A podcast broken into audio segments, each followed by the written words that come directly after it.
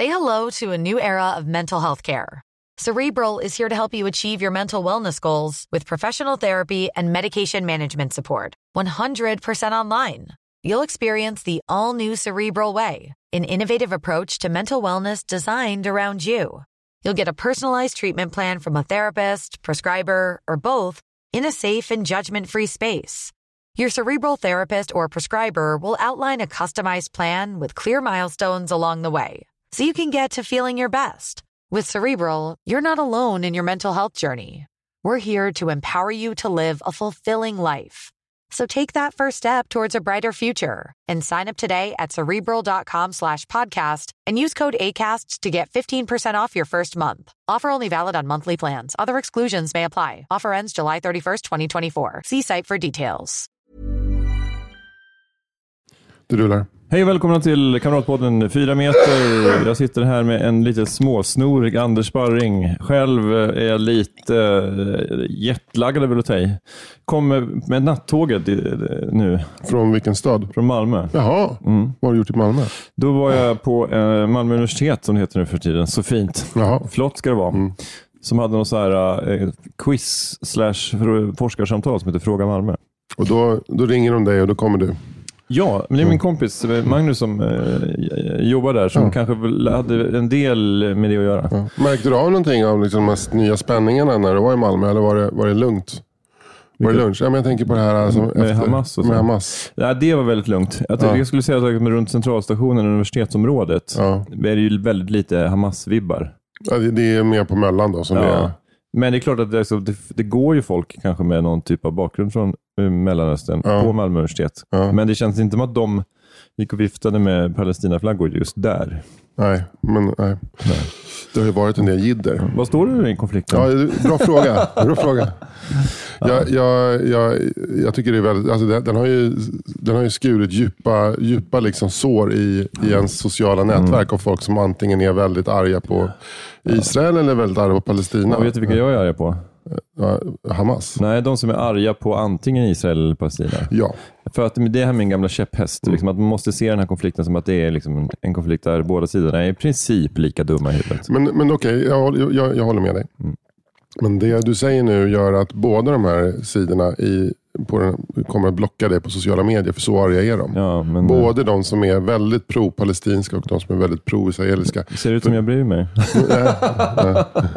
men, jag, jag, men, men, vi pratade innan här om, om liksom vad som krävs för att man ska lyckas konstnärligt. Och liksom att det, det, måste ha två krafter som samverkar. Så sa liksom att om man är en väldigt så här, socialt smidig person så måste man ändå i det läget våga kanske vara obekväm eller mm. säga farliga saker ibland. Mm. Och igår fick jag en sån magkänsla.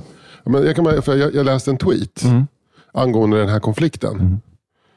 Uh, och, där jag liksom, när jag hade läst den så var jag tvungen att bara blockera så många impulser du ville svara men du gjorde inte det till slut? Eller? Jo, jag svarade. Ja, men okay. jag svarade korrekt mm. utifrån, liksom, man kan förvänta sig att en sparring riggar på det här sättet. Ja, men mm. det kom helt andra. Jag kan säga vad jag skrev. Men, du, du fick tänka så här, vad skulle nu den här internationellt firade författaren av familjen Knyckertz-franchisen, vad skulle han ha skrivit? Ja, ja men typ, vad skulle Astrid Lindgren ha skrivit? så, det, det tänker jag alltid. Vad skulle Astrid Lindgren ha skrivit? För hon är helt, hon, är, hon, är, hon kan inte göra fel. Liksom. Jag skulle tänkt så här, vad hade Sven Stolpe skrivit? Uh, Erik Dahlin heter han som har skrivit. Han är, han är en av de här eh, i, i uh, Sverigedemokraternas kanal Samtiden. Mm. Så en av Dick Erikssons små fluffers mm. kan man säga.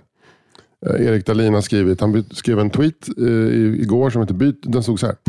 Eh, byta ut Gazas befolkning mot svenskar och på tio år kommer det vara Mellanösterns mest välfungerande region tillsammans med Israel. Alla vet innerst inne att det är folket i Gaza som är problemet, inte otur eller vad Israel utsätter dem för. Ändå fortsätter daltandet. Mm. Det är hård. Ja, verkligen. Mm. Ja, jag skrev ju, jag svar, min svar var ju så här typ att, uh, ja men oj, här, jag tror att du har, nu, nu har du nu, i den här, under den här väldigt känsliga konflikten så lyckas du lägga, nej för att, jag, skrev, jag ska se vad jag skrev, vänta.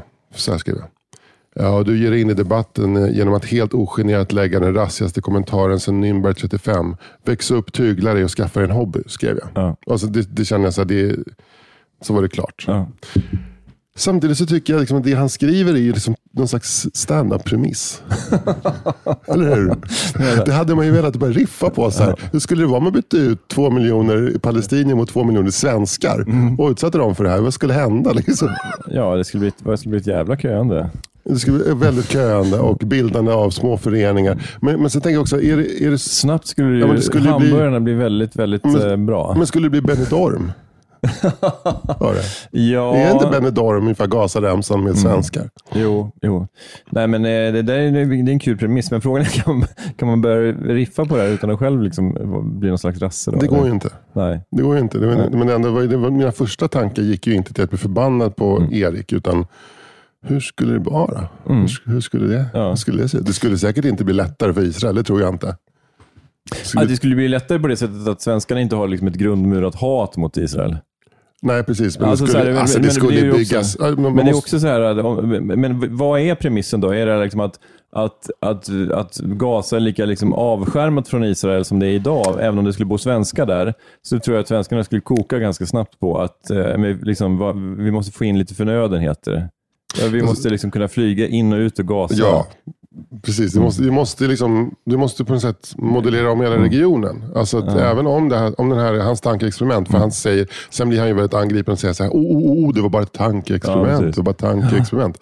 Men vi måste ändå, då måste vi ponera att det är svenskar, men och hela Mm. Egypten bebos också av svenskar. Jordanien, eh, Syrien, Iran, Irak, eh, Mm. precis. Mm. Libanon, svenskar, nors, eh, norrmän, finnar, danskar. Men det hade Alla. han liksom inte tänkt på. Nej, den jag inte tänkt Nej. på. Och att vi är en liten... Den dumma jäveln. Nej, exakt. Men eh, gas, eller gashult som det hade hetat. om svenskarna hade bott där. Ja, det- Eh. bara en massa göteborgare som går runt och fjärtar. Va? Lilla Gazaremsan. det smattrar. Ja, men det, ja, men det, man märker att det blir ganska dålig stand-up av det. Men, Ja. eh, men eh, det, var ändå, det, var ändå, det var ändå en impuls jag var tvungen att Det kväva. var, det var, ändå, det var ändå dit tankarna ledde. Liksom. Ja. Ja. Men det, så, kan, det, så skulle inte Astrid Lindgren ha gjort. Nej, Nej men det, jag, jag tänkte på det, här, liksom, när, när det var Charlie Hebdo och eh, Bataclan, då var det ju Mm. ganska lätt att, att ha en fransk flagga på sin Facebook-profil. ju. Mm. Men, men jag, jag tycker inte att jag skulle kunna ha, jag kan inte ha en palestinsk flagga eller en israelisk flagga nu. För att det sänder liksom signalen att det är liksom den ena sidan som är ond och den andra är god. Ja. Och eh, så är enkelt, det vet, ju, det vet ju de flesta, förutom då de här eh, töntiga höger och vänsterspökena Mm. som bara håller på och, och jiddrar, så vet ju de flesta, de, flesta på forskarna vet ju det. Mm. Eh, att det här är en väldigt, väldigt segdragen och komplicerad konflikt. Och det är ja, liksom, decennier och generationer av felslut och dumma beslut som har lett fram till den situationen Precis. vi är i idag. och, och det, här, det här kommer tillbaka till en gammal käpphäst för mig. Att I sådana här lägen så ska folk som har åsikter bara hålla käften. Mm. Utan man måste skicka fram folk som kan saker om det. Alltså, för åsikt, det, det är bara åsikter. Mm. Och liksom gam, äh, frustrationer över andra saker som kanaliseras genom åsikter. Mm. Jag läste en annan, en, en, en, en ganska god vän till oss båda som igår skrev på Twitter att eller han retweetade en grej som var att det är en amerikansk högerjävel som tycker att det är orättvist att göra en jämförelse mellan Hamas och nazisterna. Har du läst den? Eller? Nej. Han tycker att det är orättvist att göra en jämförelse med Han- Hamas och nazisterna. Därför att nazisterna skämdes åtminstone för att de mördade judar. Det gör ju inte Ham- man bara, "Ah." Och sen så delade våran vän det här. Eh, En, var övrigt ganska balanserad, om än kanske något aspergiansk person, delade det. Och jag bara, då, blev jag, då blev, tyckte jag så här, men vad fan. Gick topplocket igen? Ja, det gick topplocket. Men eh, jag avföljde bara. Ja, det är bra. Stilla. Mm. Men du mutar inte, du avföljde. Avföljde. Och är du Patreon till den här podden så kommer du få reda på vem det är på Patreon. Ja, det kommer det. Det kommer det. Är det så? Ja. ja. Fan vad coolt. Det här, nu har vi en lite så här, det, det, men kanske mer så vi ska jobba istället för att liksom hålla på och riffa på folks namn. Att vi så här, ja, nu ska vi avslöja vem vi hatar mest av allt i stand-up Sverige. Och nu ska Anders berätta om liksom, vilken som var den största fittan på Dramatiska institutet på sent 90-tal. Det är sådana grejer. Alltså, det är det som är vårt Patreon-exklusiva material. Fan, fan, du sa, vem var den största fittan på Dramatiska institutet i slutet på 90-talet? Alltså, det, säg, inte, säg det inte nu. Nej, nej, men jag, bara, Nej. Du väckte jag, har inte tänkt, jag har inte tänkt de termerna. Fitta kan vara en man också. Ja, ja, ja, jag fattar bilden. Jag fattar bilden. Jag är inte dum i huvudet. Nej. Jag förstår precis vad du menar. Eh, Men vem fan var det? Det kommer du också få reda på om du blir Patreon till den här podden. vi- Jag kommer inte lägga två fingrar emellan. Fan vad vi teasar. Mm. Patreon.com snedstreck 4 meter om du är intresserad av de här grejerna. Precis, och med det så rullar vi vignett va? Det är inte så många gator i varje stad som lyser om natten. Det är inte så många gator i stad som lyser om natten. Det är inte så många gator i varje stad som lyser om natten. Men en kicker som du kan väl bygga en annan väg om du får en linjalteckning av mig.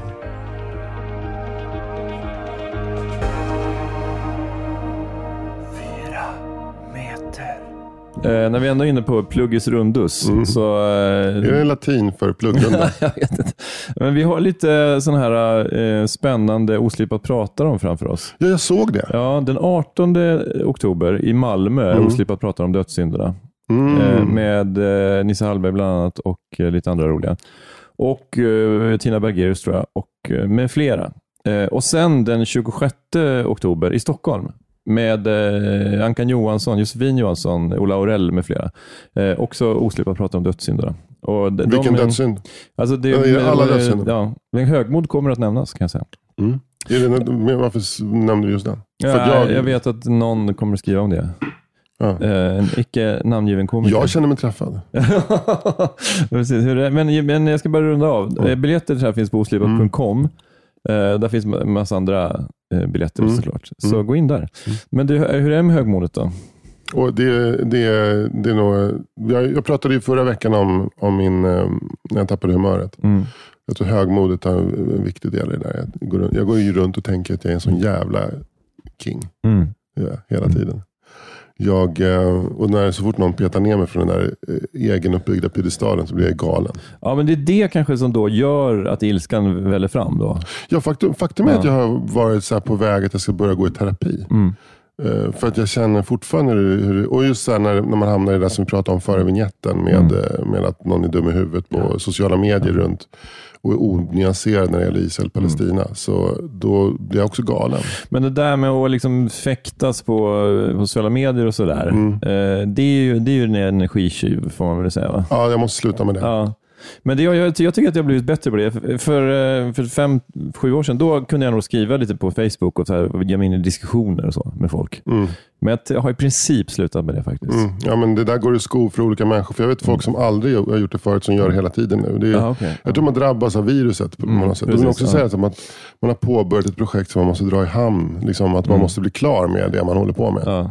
Men, eh, men har det någonting att göra vilken eh, fas man är i livet och hur man mår som människa i övrigt? Eller är det liksom helt random tror du? Det tror jag inte har någonting med det att göra alls överhuvudtaget. Utan det är helt random. Nej, jag skojar. Det är klart att det har med det att göra. Ja. Så, Men ska vi prata lite om det då? nej, jag, jag, jag är på uppgång. Jag, jag, jag, har, jag har sett problemet och jag angriper det Ja. nu. Jag såg faktiskt igår på morgon-tv, som jag, Sveriges Televisions morgonstudio. Mm. Alltså, vad heter det? Nyhetsmorgon? Nej, morgon. Vilka är favoritankarna? Är det Karin Hotel? eller? Nej, det är ju Alexander, Sla- vad heter det? Alexander Letic och Ja. den andra. Den är homot och heterot. Okej. Och Vilken vem är den andra? Vad fan då? heter han då? De är så jävla bra. Mm. Och sen Pia Herrera. I vilken kontext som helst. Ja. Pia Herrera, årets julvärd. Okej. Tycker jag. Oj, Ja. wow. Pia Herrera, Mm. alltså, hon, kan ju, hon kan ju ta allt. Ja. Ta på, på, både på volley och halvvolley och Alltså, På liggande fattar du boll. om du börjar på, du skulle så, vänja in ditt barn på dagis och det är Pia Herrera som är förskollärare. Ja. Vad trygg man skulle känna Ja, sig. verkligen. Ja. Alltså, nej, hon är Vad tror du det skulle kosta att boka Pia Herrera som en förskolepedagog under en inskolning? Ja, men då måste man, jag, inte. lösa henne från hennes SVT-kontrakt först. Ja, men så- det, det är lätt. Hon lasas ut och sen så får hon gå på en vanlig barnskötare, o, o, outbildad barnskötartaxa ja. av 23 000 i månaden. Mm. Jag menar, är, vi snackar ju barnomsorg. Det kostar, får inte kosta. Ja. Men hur får man, hur får man henne att nappa då? Alltså en, fri, en friskola skulle vi kunna plocka in henne för en 66 Mm. i månaden. Ja. Plus eh, en, bil, en bra bil och Mm. liksom, eh, andra förmåner. Ja.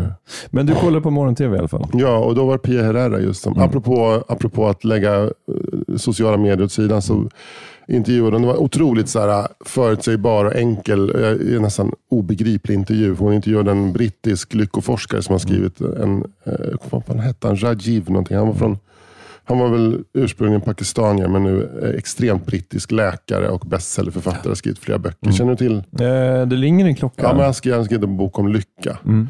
Och Det var så enkelt. Liksom. Det, handlade, det handlade egentligen bara om att upp, uppskatta nuet och att lägga sociala medier och jobbet Mm. åt sidan. Och att det finns saker som folk brukar säga på sin dödsbädd att de, Mm. att de ångrar. Till exempel att de inte spenderade mer tid med sin familj. Mm. Eh, att, de, eh, att, de, eh, inte, att de inte brydde sig om det som är här och nu, utan hela tiden var någon annanstans. Och det här blir han dollarmiljonär på. Så Ja, det blev han ju dollarmiljonär på. Mm. Och han hade själv då när han hade upptäckt det här, att när han försökte korrigera de bitarna i sitt liv, blivit mycket lyckligare. Mm. Men han har sagt också att häls, hälsan, folk som är lyckliga har bättre hälsa.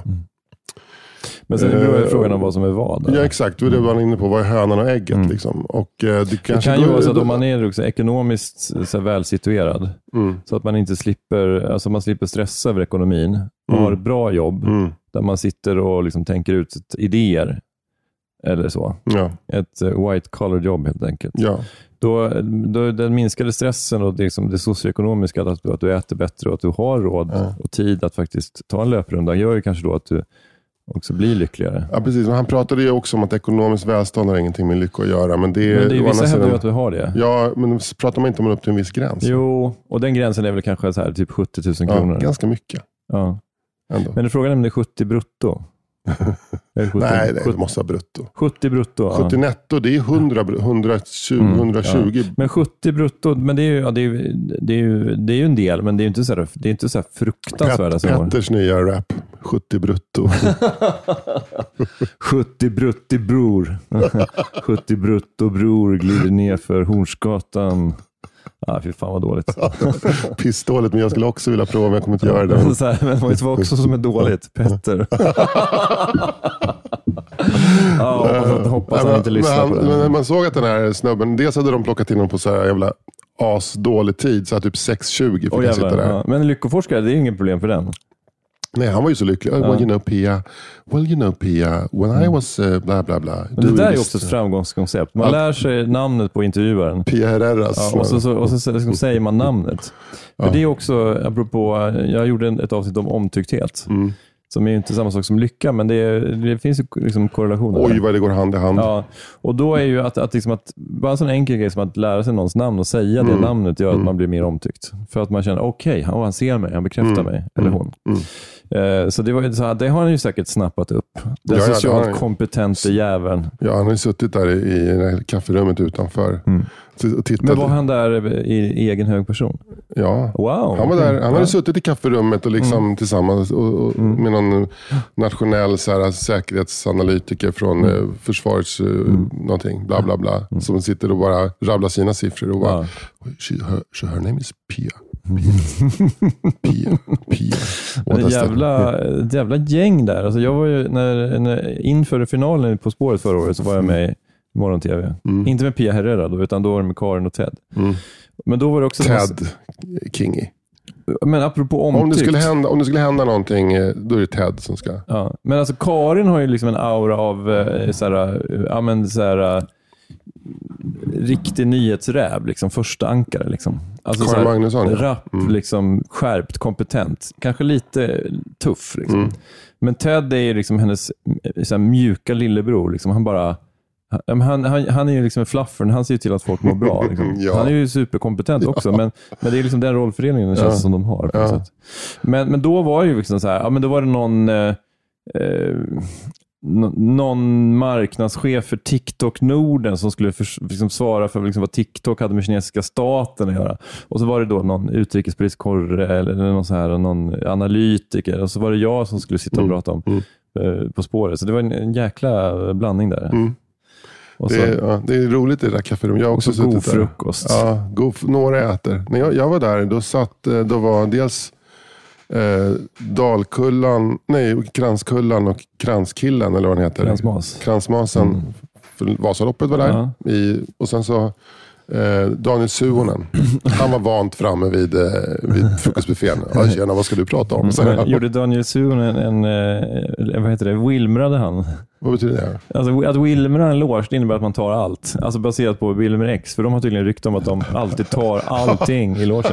De tar öl, öl, vin, chips, Godis, mackor. Ja, han, han, han känns som en klassisk sosse som säger det här, är, det här ingår, det här är gratis, det här ska jag ha. Ja, det här ingår i välfärden. han, Det var ju tidigt också, svintidigt, så han var ju där liksom och gick runt och plockade. Och, Men det är inte bara ost och skinka, de har väl typ ägg och sånt? Har de inte det?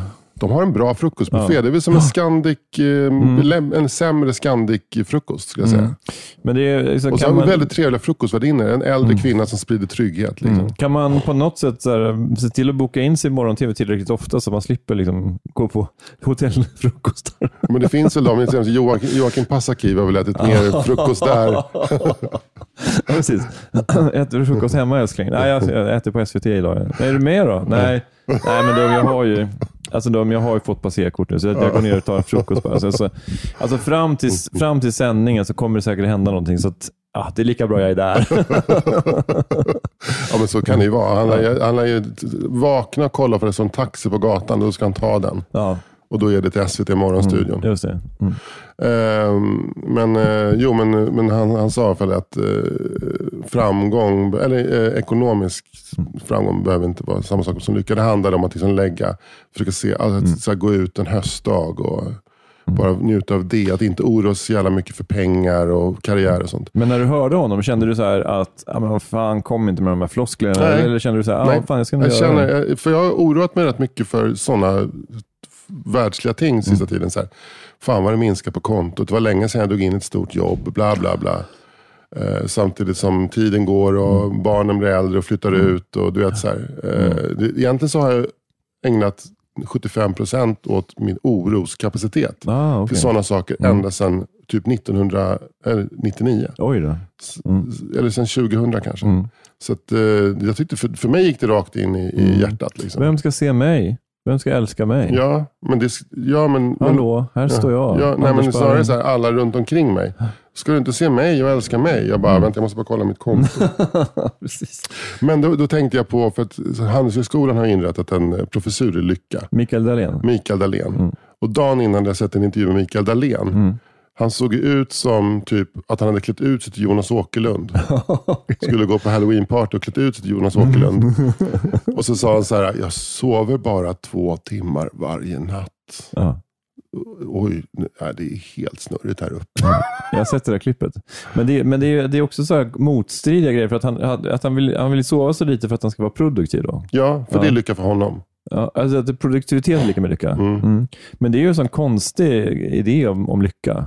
Det känns Alltså som att... lycka för, för de flesta är ju så här, ja, men, vad skönt, nu får jag sova ut. Och sen har jag lagom mycket jobb och sen har jag lagom mycket eh, fest och lagom mycket så här, umgänge med, med kompisar och eventuellt familj om man har det. och så där. Och, ja, men Någon slags eh, jordad vardag på något sätt. Say hello to a new era of mental health care. Cerebral is here to help you achieve your mental wellness goals with professional therapy and medication management support. 100% online. You'll experience the all new Cerebral Way, an innovative approach to mental wellness designed around you. You'll get a personalized treatment plan from a therapist, prescriber, or both in a safe and judgment free space. Your cerebral therapist or prescriber will outline a customized plan with clear milestones along the way so you can get to feeling your best. With Cerebral, you're not alone in your mental health journey. We're here to empower you to live a fulfilling life.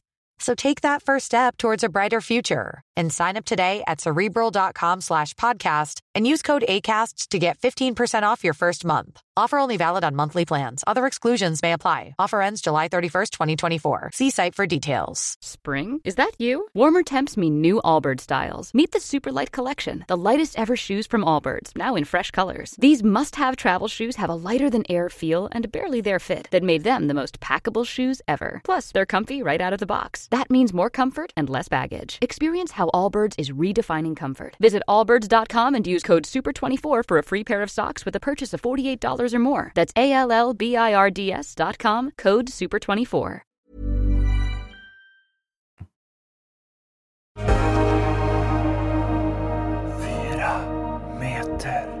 Men det känns inte lite som att Micke Dahlén, nu, nu, nu kan jag väldigt lite om honom. Förutom att jag har svårt för så här professorer på Handelshögskolan som har, som har nagellack och långt hår. Alternativt helt helrakade och glansiga. Alltså, de ska ju se ut, jag tycker att en professor på Handelshögskolan ska se ut som nyligen avlidne Olle Westberg. Liksom. Där har en professor.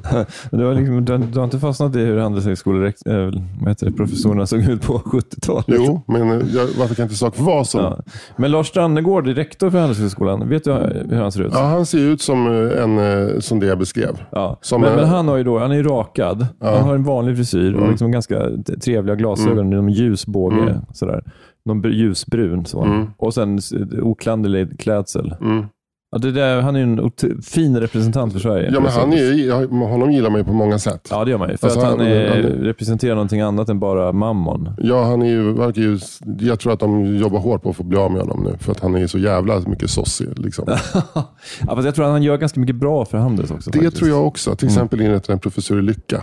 och plockar in liksom Lord Voldemort själv på den. Eller kan inte du berätta lite för mig om Men Lord Mikael, Dahlén är otroligt Men fascinerande jag tänker person. att han är inte så här, jag, tycker, jag tänker att han är liksom, han är inte Lord Voldemort, han är liksom mer Dobby.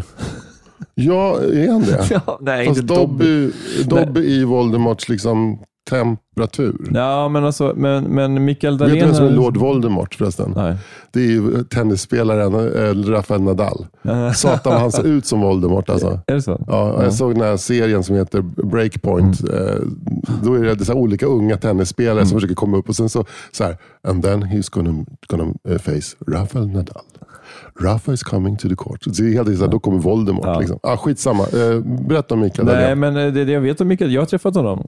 Pratat om lycka Det kan jag tänka faktiskt. mig. Ja, ja, det I, I det. en podd som heter Allt för Ja, den ska jag lyssna på. Eh, men gör det. Och jag, jag kan inte säga att jag, det var väldigt länge sedan, det var säkert fem år sedan. Jag kommer inte ihåg så mycket av det. Men eh, jag tror att han sa väl ungefär eh, samma floskler som den här britten.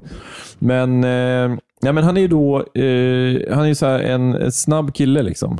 Eh, som verkar gå ganska mycket på impulser och gör, alltså det, det känns som att han gör ganska mycket grejer eh, så efter lust. Mm.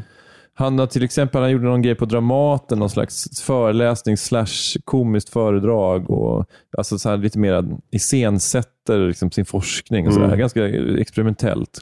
Sen vet jag att han är också springer. Han är någon slags ansikte för eh, en, ett löparmärke. Som gamla längdhopparen, tror jag Mattias Sunneborn också står bakom. Som Mhm. heter typ IMR Track Club eller något sånt där. Som, är, ja, men ett, ett, som har tights och shorts och, och linnen och sådär. Mm. För folk som älskar löpning mer än livet självt. Så han springer ganska mycket tror jag. Han har ju den utstrålningen. ja, alltså, det är så smal kropp. Liksom. Mm. Men han har faktiskt också, ursäkta utstrålningen, det var någon som släckte lampan. Han föll död ner. Ja, men han, har, han har ju det här liksom lite långsmala ansiktet Mm. med lite sådär, eh, ja, men, lite sådär droopy utseende. mm, mm, mm. Om du kommer ihåg hunden Droopy. Men, men jag fattar ändå. Ja. För jag tänker, han måste se ut som Mikael Dahlén. ja, men så här lite blodhundsutseende. Sådär. Ja, just det. Lite häng. Det är bra Ja. eh, gravitationen jobbar på Ja, precis. Även om han liksom så här, är, ser tight ut i Mm, kroppen. Sådär. mm. Och sen har han liksom långt hår och sen har han väl ofta svart nagellack och sådär.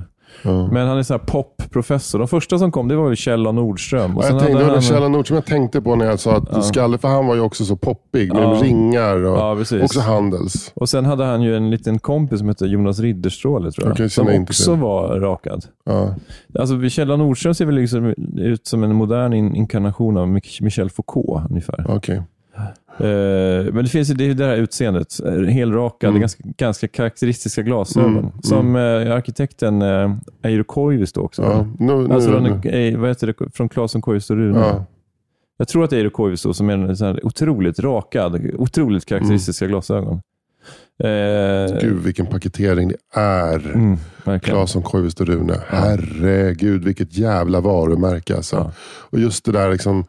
Det Koivisto Mm. gör att allt blir finskt. Och det är ju bra design. Ja, Och sen så de här glasögonen. Och Ja. liksom, äh, det är sån satans paketering. Ja. Men det, känns, det är det som man kanske är lite ute efter när det gäller både han Kjell Nordström och Mikael Dahlén. Att de är så paketerade. mm.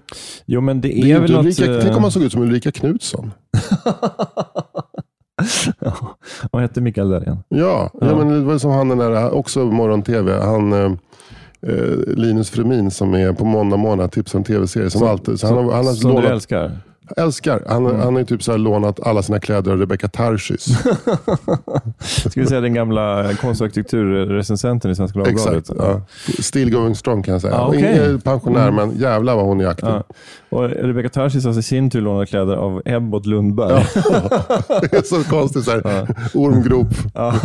Det- De har en klädpool. Rebecca Tarschys, Ebbot och Linus Frumin. Ja, Ja. Det, är, det, är en, det, är en lunch man har velat gå på. Den var, var trevlig. Ja, verkligen. Ja. Men, men du... du Men... Linus är son till materi- AIKs materialare. Okej. Så att det är mycket så här, varje gång som AIK lägger upp något så är det så här, Linus Frumin har gillat. Wow. Men Linus Frumin alltså, så här, och hockey, det finns, jag tror inte det finns två grejer som ligger längre ifrån varandra. Ho- Fotboll dock. Jaha, ja, eh, eh, sport. Linus Frumin och sport. Ja. För han framstår ju som den här k- flamboyanta kulturintresserade ja.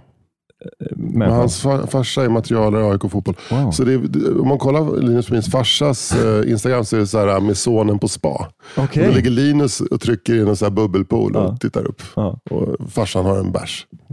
Fan vad nice. De är, de är jävligt gulliga mot varandra. Men det, det låter ju som att ha en fin relation i alla fall. Men ska vi gå tillbaka till Mikael Dahlén? Jag, fort, jag tycker inte vi har ringat in honom. Jag vill veta mer om Mikael Dahlén. Eh, Jag, in, nu- jag, har ingen, jag har ingen baktanke. Men nu Jag sätter du mig på pottkanten lite grann. Ja. Jag har ju inte liksom, har jag har, jag har inte honom. ens förbereda. Nej, men han är ju väldigt, gett ett väldigt sympatiskt intryck. Han eh, ja, men så här lätt att ha att göra med. Så. Mm. Eh, Jag, jag kan tänka mig att folk liksom betraktar honom som lite flyktig. ja, att men, han är liksom så här en professor. Men är, han, är en riktig professor? Liksom?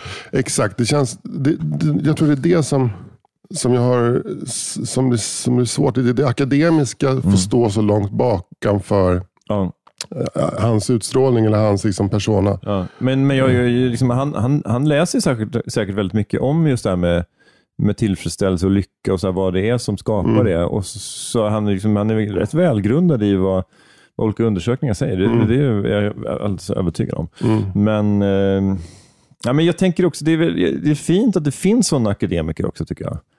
Så att det inte bara är de här snustorra. Och då, akademiker är ju inte snustorra nu för tiden, utan det finns ju alla sorter. Men, men att även de här lite så här uttrycksfulla, och mediala och poppiga personerna får vara Absolut. eh, forskare och akademiker. Jag känner bara, fast det kanske har att göra med att jag har en eh, någon slags akademikerförakt. Inte förakt, men eh, bildningskomplex. Men att han utstrålar så mycket tvärsäkerhet. Och jag, jag, jag känner att om det är något som är livsfarligt så är det just tvärsäkerhet. Alltså jag, jag har ett svar på en fråga. Ja. Utan något som skulle premieras är liksom den stora ambivalensen. Eller just det här att inte kunna svara på en fråga. Att, att säga helt fel, återkomma, korrigera sig för jag kom på en grej. Allt det där, det, det saknar både eh, väldigt många offentliga akademiker och, och folk som är experter i olika frågor. Och Mikael Dahlén har också liksom en, en aura som är så stark. eh, Svår, som svår att liksom rå på. Därför att han kommer som någonting nytt. Han kommer lite som en lite såhär Nattiko, eh? Nattiko Lindblad, han som dog av ALS. Liksom, som Nattiko utan, ins, utan djupare insikt egentligen. Liksom, att han har bara den här liksom, sköna Carlos Castaneda eh, auran. Liksom. Vilket, gör, vilket känns så jävla oandligt på något sätt. Mm. Jag vet inte, jag är Mm. väldigt, väldigt, men jag bara så här, oh, det är något med en magkänsla men som gör att det där är en farlig person. Okej. Mm. Ja. Ska, vi, ska vi utföra en varning? Jag vill ha tillbaka akademiker och offentliga personer mer i stil med Gösta Knutsson. Du nämnde Sven Stolpe i början. Han, han var ju i och för sig eh, djupt religiös, men det känns som att han var inte heller någon tvivlare. Nej, men han var ju extremt bestämd ju. Oerhört bestämd. Ja. Ja, huruvida Gösta Knutsson var bestämd eller inte, det kan jag inte riktigt säga. Men, han, men han, så här, den akademiska delen av så där, tänker jag att han blev ju mer radioman och författare. Så där, tänker jag. Eller hur? Ja, ja. Men, Men jag kan eh, tänka mig att det till exempel att det saknas personer som är inte tvärsäkra, som inte vet. Mm. Att där ligger till exempel en av Jonathan Unges stora framgångsrecept. Liksom, recept. att Mm. Han uttrycker så här, jag har faktiskt ingen koll på det här. Nej. Fast egentligen så har han ju Ja. björnkoll. Just det. Men, det är, men jag upplever en annan grej med akademiker. Det är att de, många är väldigt så här, eh, vill väldigt lite ut, uttala sig om saker som inte ligger precis inne i deras fält. Alltså, ah, okej, nej men nu ställer du en fråga om, om eh, postgången i Sverige liksom 1867. Jag forskar ju främst om svensk postväsende 1910 till 1980. Okej. Så att jag kan tyvärr inte säga så mycket om det. Men du kan fråga någon annan, du kan fråga eh, Lena Persson eh, Rabitsemi om det. Hon, hon, henne ska du pra- prata om det. Ja, det, Ja, men nu pratar jag med dig. Så att kan men jag... inte det om du, om du är ett näst, ett angränsande där, han kommer dela korridor med en expert. Men om det är ett helt annat område Mm. så kan du få. Jag, när vi, en annan gång när jag var med i nyheterna, det var på Aktuellt när jag skulle prata om Roald Dahl. Då eh, gick, möttes alla som skulle vara med i Mm. vakten och så fick vi gemensamt lomma iväg genom de långa ändlösa korridorerna till Mm. studion. Och då gick jag bredvid en nationalekonom som heter Claes Eklund. Ja. Och de skulle prata om räntan. Sigge Eklunds pappa. Ja, exakt. Eh, och, och då frågade han så, "Åh, vad ska ni prata om då? Ja, vi ska prata om Roald Dahl eh, och vad får man, får man ändra i tidigare verk. Och då började han så här, förklara för oss hur det ligger till. Mm. Ja. Genom att dra exemplet Pippi Långstrump och n-ordet. Mm. Ja. Då känner man men nu är du, inte, du, är jättebra på Ja. nationalekonomi. Men det här, här, skulle, här, skulle, du- här skulle han ju då mer eh, liksom, lägga an en sån eh, attityd som du nämnde. Att, Jaha, intressant. Det har jag ingen aning om. För det Nej. hade han inte. Utan Nej. han hade gubbgissade ju. Liksom. Ja, men det finns väl, jo, men det, det, det, det finns ju, den, det finns ju, båda sjukorna finns ju. Den ena sjukan är ju liksom att man är en auktoritet på ett område och sen så börjar man, tror man att man är en auktoritet på andra fält också. mm. Att man är eh, liksom en forskare i forngrekiska så tänker man att man kan skriva något initierat om som stadsbilden i Uppsala. Mm. Men det, det är klart man får göra det, men man är, det är inte så att du kan någonting om det. Man, har ju, man vet ju hur man går tillväga för att skriva Ja, något. exakt. liksom. Så det, det är någonting med att, så här, är, du en, är du en lysande stilist, Mm. Så tänker du att ja, men då har jag nog liksom smarta tankar också. Mm. Men jag tror att bara för att du kan skriva och uttrycka det väl innebär det inte att du kan tänka bra. Nödvändigtvis. Nej, de, sant. de, Bra. Det, det är ett Venn-diagram där de hänger ihop. Mm. Men det finns också eh, exempel på folk som är duktiga stilister, men som är liksom helt tomma när det Mm. gäller liksom verkligen förstå Ja, men, Så vi har stilistik där och vi har kunskap där. ja, Och du vill befinna dig där. exakt. Ja, men Ja. många befinner sig där Ja. eller där. Eller Men jag där. upplever nog att jag är en person som är, är lite bättre på att förstå samband och kunna eh, ja, men extrahera saker än jag är på liksom att uttrycka det. Även om jag liksom är helt okej på att prata, men jag liksom, om jag skulle skriva en debattartikel eller skriva liksom en essä om någonting, så är inte det liksom min ballpark riktigt. Så. Nej.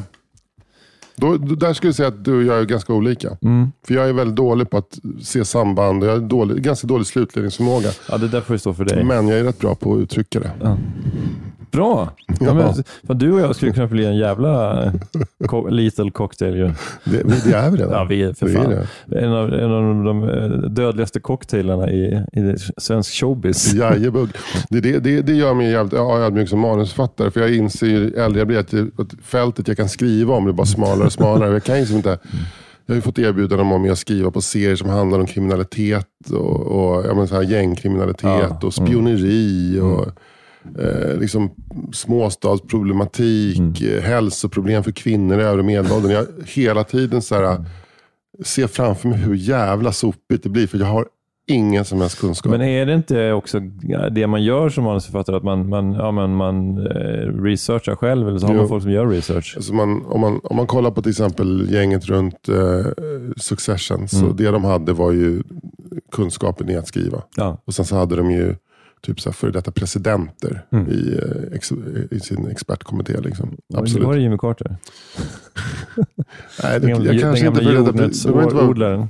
Nej, det kanske var före detta presidenten i, i, i Frankrike. Jaha, okej. Eller Ja. kanske den före detta presidenten i Finland. Spännande. Det finns fler länder Ja. med presidenter Är det så? Ja. än USA. Ja. Ja, det var mitt uh, amerikocentriska Mm. Perspektiv det var det som, som, som stjälpte hela Men vem skulle det kunna vara? Alltså Barack Obama. Ja, Mm. ja. Det känns, det känns kanske inte som han har tid att sitta och jobba med Succession, men, men, eller, också, jag har, eller tycker han det är kul.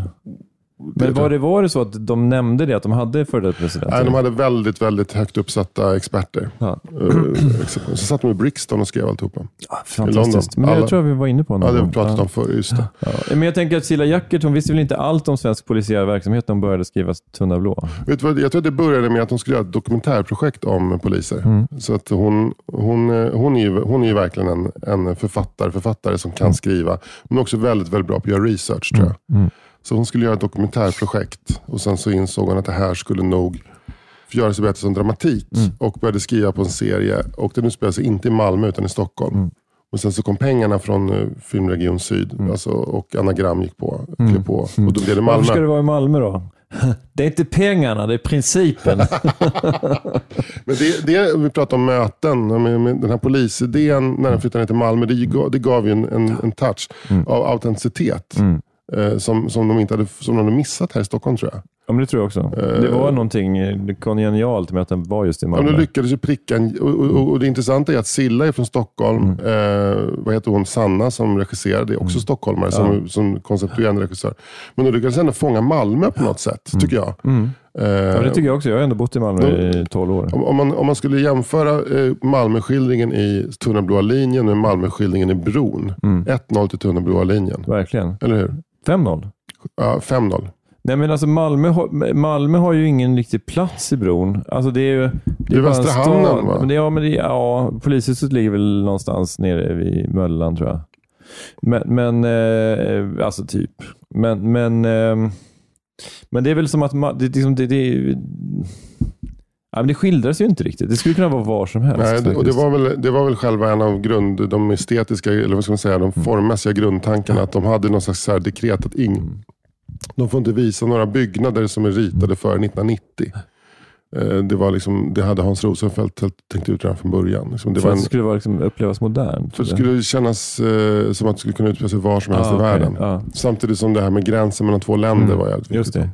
Men, men, det är, men det är klart att det, det får man ha respekt för den liksom, estetiska idén också. Mm. Att det, det gav ju någonting helt annat. Men det, det var ingen Malmöskildring. Nej, det var det inte. Och det, det, lyckades de med Tunnelblåa Ja. linjen. Men, eh, men, hon, men hon, hon har ju det, den förmågan som jag också saknar. Då, att eh, ta in och förstå eh, research. Liksom. Ja. Men sen så också vettet att välja sida. Hon valde ju verkligen polisens sida. Mm. Alltså, det var ju inte Martin Sonneby som skrev Tunnelblåa linjen. Var det inte? Nej. Det var inte Martin Sonneby som skrev Tunnelblå? Alltså, nej. Nej, det var det inte. Hon Nej. vågade påstå någonting. Ja. polisen är snäll, innerst inne snäll. Jag tror en av hennes eh, ursprungsidéer var att följa det här. Det, fanns, det finns ett Twitterkonto som heter YB Södermalm. Ja, just det. Du, känner ju, du har ju träffat han, eh, twittraren. Ja. Du, Ja. mötte honom i. Mm. Hon följde honom på Twitter och tänkte att hon skulle göra någonting utifrån hans Twitter. Det, var, det började så.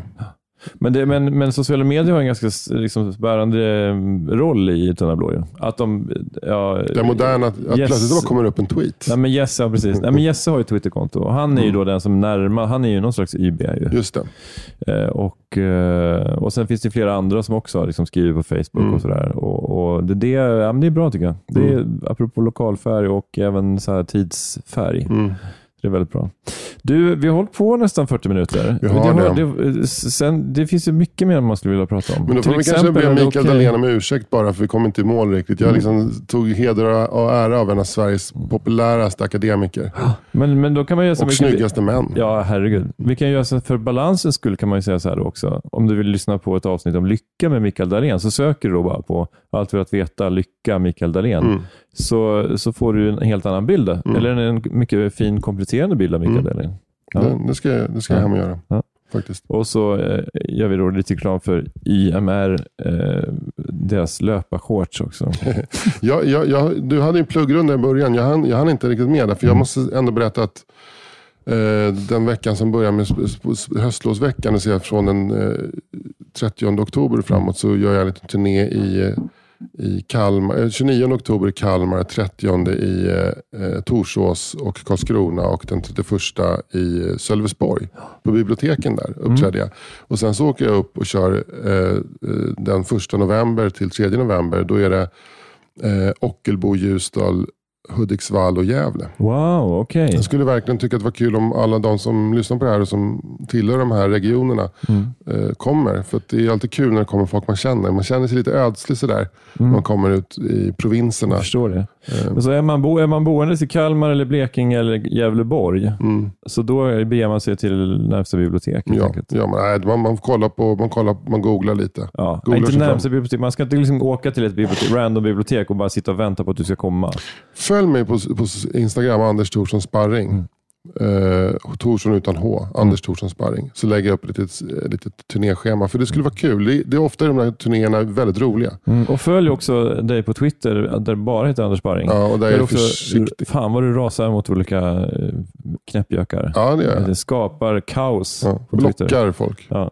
Mig kan man också följa på Twitter, eller X som det lite populärt kallas Mm, just nu. mm. Eh, Då heter jag Fritte Fritzson med SZ och S. Och eh, även då, bara för att göra det lite tydligt, så heter jag Fritte Fritzson på Instagram också. Mm. Följ oss där. Vi behöver fler följare. Vi behöver fler vettiga röster. Ja, I verkligen. samtids-Sverige. verkligen. Och tyck inte så mycket. Tyck inte. Tyck lagom. Hej då. Hej då!